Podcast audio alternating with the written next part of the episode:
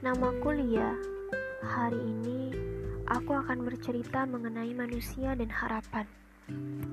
Harapan adalah sesuatu yang kita inginkan terjadi di masa depan.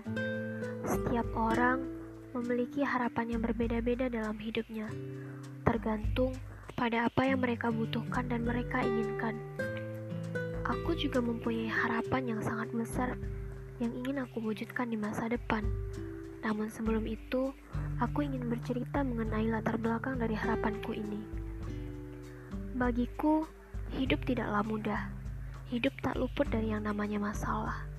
Seolah-olah, tanpa masalah, hidup bagaikan sayur tanpa garam.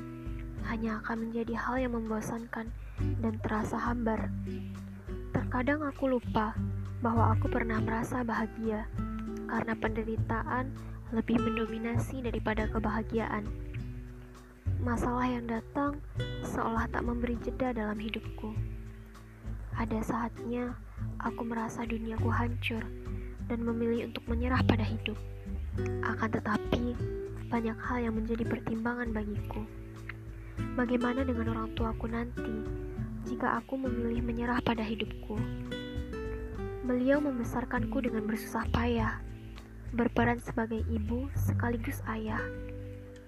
Hal berat yang aku alami tak sebanding dengan yang beliau alami, tetapi beliau masih kuat. Dan kenapa aku yang masih muda memilih untuk menyerah? Aku teringat dengan perkataan seseorang yang mengatakan bahwa tak apa jika kamu bersedih sekali, dua kali, tiga kali, atau bahkan lebih. Tak apa jika kamu merasa depresi Hal ini wajar karena kamu manusia.